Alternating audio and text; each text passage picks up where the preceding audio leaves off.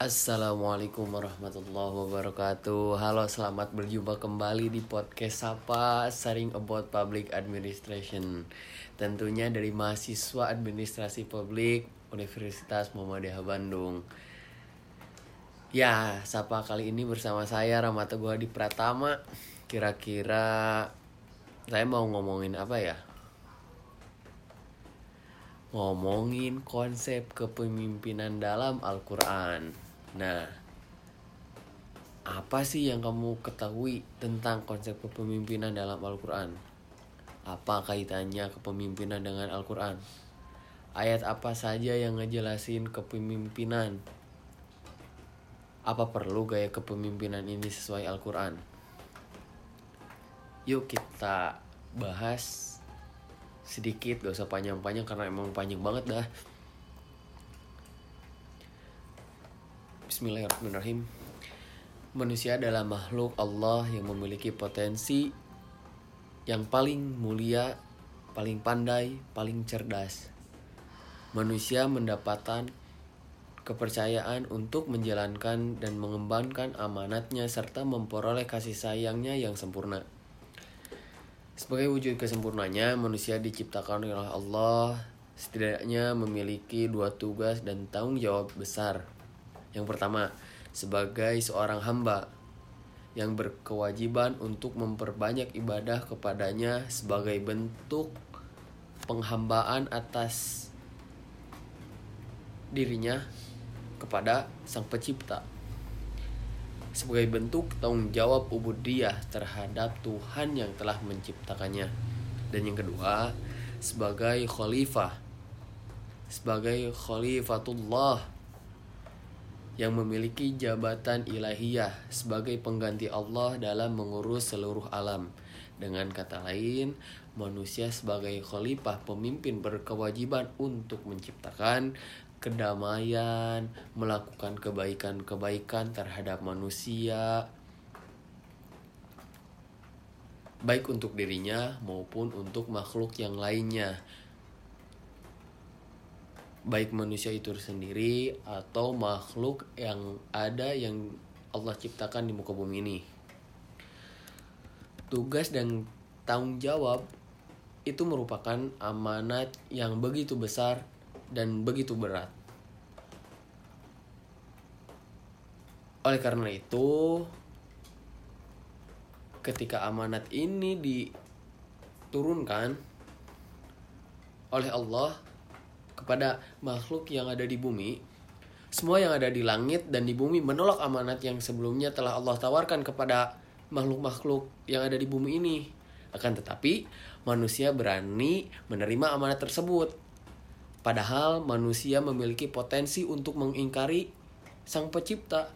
Manusia adalah makhluk ciptaan Allah yang berpikir akan tetapi sering kali hilap. Manusia adalah tempatnya salah.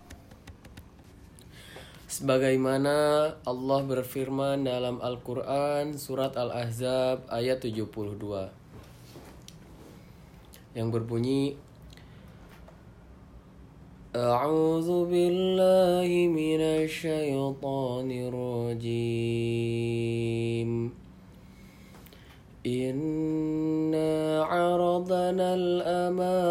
على السماوات والأرض والجبال فأبين أن يحملنها فأبين أن يحملنها وأشفقن منها وحملها الإنسان innahu kana zaluman yang artinya sesungguhnya kami telah menawarkan amanah kepada langit, bumi dan gunung-gunung. Maka semuanya enggan untuk memikul amanah itu. Dan mereka khawatir akan mengkhianatinya dan dipikulah amanah itu oleh manusia. Sesungguhnya manusia itu amat zalim dan amat bodoh. Al-Quran Surat Al-Ahzab ayat 72 Sebagaimana yang dikutip oleh Ibnu Kasir dalam Tafsirnya, tafsir Al-Quran Al-Azam menjelaskan bahwa yang dimaksud dengan amanah pada ayat di atas adalah ketaatan dan penghambaan atau ketekunan beribadah. Ada juga yang memaknai kata amanah sebagai at-taklif atau pembebanan karena orang yang tidak sanggup memenuhinya berarti membuat utang atas dirinya. Maksud at-taklif atau pembebanan di sini adalah sebagai bentuk ketaatan hambanya dan sebagai bentuk penghambaan seorang hambanya terhadap yang menciptakannya. Adapun yang melaksanakannya akan memperoleh kemuliaan jelas, pasti akan mendapatkan kemuliaan dari yang menciptakannya. Contohnya seperti gini nih. Presiden ngasih amanat pada stafnya jelas amanat itu harus dilaksanakan. Akan tetapi dikarenakan si staf itu punya kesibukan lain atau ada sesuatu yang membuat staf tersebut enggan melaksanakan amanat, apalah itu. Sebetulnya presiden gak rugi karena masih banyak staf-staf yang lain. Malah justru yang rugi itu stafnya. Karena dapat poin jelek dari presiden Pasti ya, presiden berkata dalam hati bahwa staf yang aku amanah itu tidak bisa menjalankan perintahku. Padahal jika stafku itu menjalankan amanatku, pasti aku tambahi bonus gajinya. Ya iyalah karena ngejalanin amanah. Kalau tidak mah, ya dadas kandas gitu. Manusia yang melaksanakan amanatnya akan memperoleh kemuliaan di sisinya, kemuliaan sang penciptanya kaitannya dengan figur Rasulullah Sallallahu Alaihi Wasallam.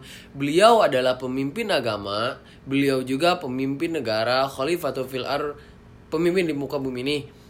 Rasulullah Sallallahu Alaihi Wasallam merupakan suri tauladan bagi setiap orang, termasuk para pemimpin, karena dalam diri beliau hanya ada kebaikan-kebaikan dan kebaikan. Hal ini sesuai dengan firman Allah Subhanahu wa taala dalam Al-Qur'an surat Al-Ahzab ayat 21.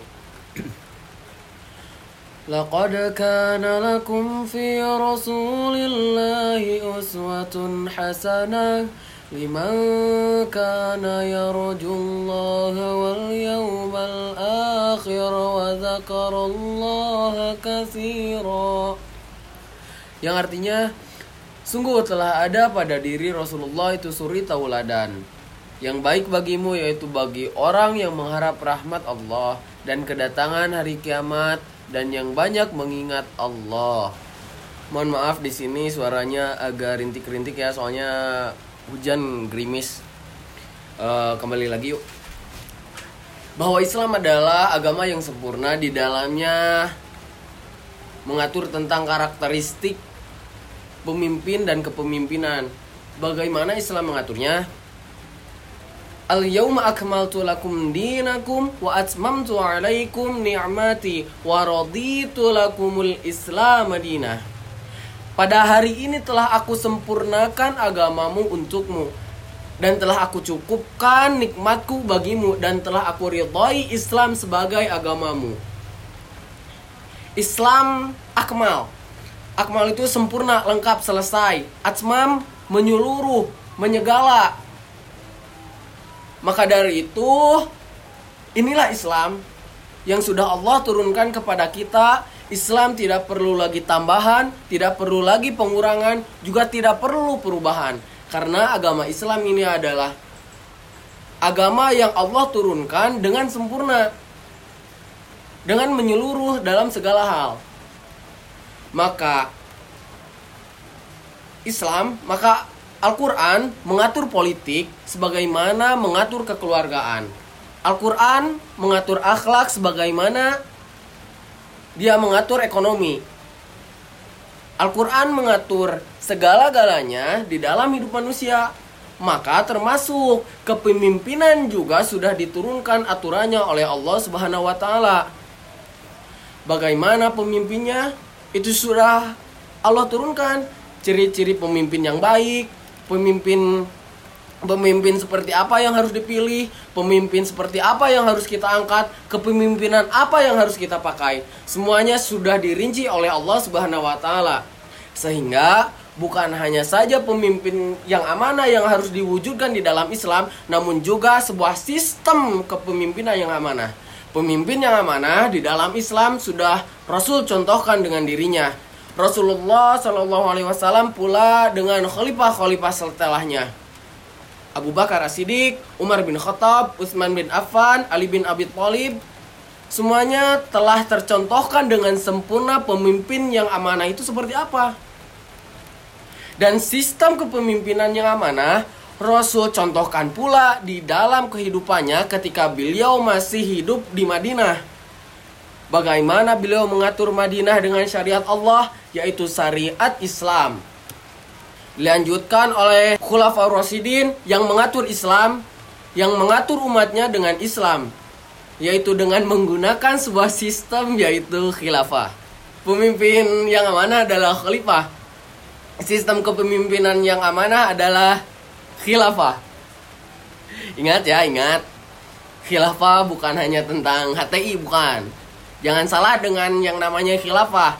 Karena sesungguhnya Khilafah adalah sistem atau cara tauladanya Rasul dalam memimpin. Ingat, pemimpin yang amanah adalah khalifah. Sistem kepemimpinan yang amanah adalah khilafah. Dan ketika kita menuduh bahwa Islam tidak memiliki sistem kepemimpinan yang khas, bahwa Rasul tidak menurunkan sistem kepemimpinan yang khas, sama saja dengan menuduh Allah bahwa Allah tidak menurunkan Islam yang sempurna, sama saja dengan menuduh Rasulullah tidak mencontoh agama yang menyeluruh dan menyempurna. Hati-hati, hati-hati. Maka Islam sudah sempurna, tidak perlu lagi tambahan, tidak perlu pengurangan, tidak perlu juga perubahan. Di sini kita perlu kon di sini kita tidak perlu konsep dari luar, kita hanya perlu konsep dari Islam. Karena ini adalah konsep yang sempurna, yang tidak perlu lagi ada penambahan, tidak perlu ada pengurangan dan tidak perlu juga perubahan. Adapun wasilahnya, adapun cara penerapannya boleh berubah bahkan wajib, bahkan wajib mengikuti perkembangan zaman. Tapi esensi penerapannya syariat Allah semuanya sudah sempurna. Tidak perlu perubahan, tidak perlu pengurangan, tidak perlu tambahan. Al yauma akmaltu lakum dinakum wa atmamtu alaikum ni'mati wa raditu lakumul Islam madinah. Maka banggalah kita seorang Islam yang punya konsep menyempurna termasuk dalam memimpin dan sistem kepemimpinan. Dan inilah yang tidak hanya menjadi dan semoga lah gitu ya. Dan semoga ini tidak hanya menjadi teori gitu tapi juga harus jadi penerapan amin ya Allah amin ya robbal alamin. Menurut saya sih ya pandangan saya selama negara ini demokrasi pasti akan terjadi seperti ini. Yuk balik lagi. Kita pakai sistem penerapannya yang sudah Rasul contohkan gitu lah. Memang terlalu luas ya ngomongin tentang uh, kepemimpinan gitu. Coba kalau kita ubah aja dulu gitu ubah aja dulu sistem diri kita sendiri gitu. Udah sesuai dengan syariatnya atau belum gitu. Kalau memang uh, kita berambisi untuk mengubah uh, sistem yang salah atau atau merenovasi gitulah sistem yang digunakan saat ini harus dimulai dari diri kita sendiri gitu nggak bisa nggak bisa nggak bisa nggak bisa kita terlampau jauh memandang terlalu terlampau jauh karena kita itu terlalu sering gitu memandang yang jauh gitu. Padahal yang dekat aja diri kita sendiri juga belum belum belum sesuai gitu. Ayo kita coba dulu gitu dari diri kita sendiri gitu. Uh, mohon maaf nih maksud saya di sini bukan maksud penggiringan dari demokrasi ke khilafah ya tapi mungkin ada sesuatu yang salah dalam sistem ini. E, baiknya yuk kita berangkat pada sesuatu yang sudah dicontohkan dan sesuatu itu sudah menjadi jaminan kelak nanti mungkin kesalahan kekhilafan yang terjadi pada negara saat ini bisa jadi muncul dari kehilapan kita sendiri. Yuk mari kita antisipasi kehilapan ini. Mari berjamaah membangun negeri ini sesuai tuntunannya. Dimulai dari menegakkan sholat berjamaah dan memiliki rasa antusias lebih untuk melaksanakannya. Duh, rasanya saya di sini seperti ceramah ya. Kebetulan judul podcast ini bukan asli pilihan saya, tapi saya bersyukur, saya berterima kasih. Saya senang juga karena bisa menyampaikan sesuatu yang selama ini ingin saya sampaikan. Ternyata kita itu berada dalam agama yang memiliki sistem kepemimpinan yang begitu luar biasa. Sistem ini bukan hanya memikirkan umat Islam saja, manusia saja, bahkan semua makhluk yang ada di bumi ini sudah ter terpikirkan itu sudah tersistem. Poinnya tetap ya, pemimpin yang amanah adalah khalifah. Sistem kepemimpinan yang amanah adalah khilafah. Mohon maaf apabila ada tutur kata yang tidak sesuai. Kekurangan dan kesalahan mutlak datang dari saya pribadi. Kebenaran hanya milik Allah Subhanahu wa taala. Semoga kita semua senantiasa dalam keistiqomahnya keistiqomahan yang diridhoinya billahi taufik wal hidayah nun wal qalami wa ma yasturun. Assalamualaikum warahmatullahi wabarakatuh. Sehat selalu untuk semua. Jangan lupa istighfar biar well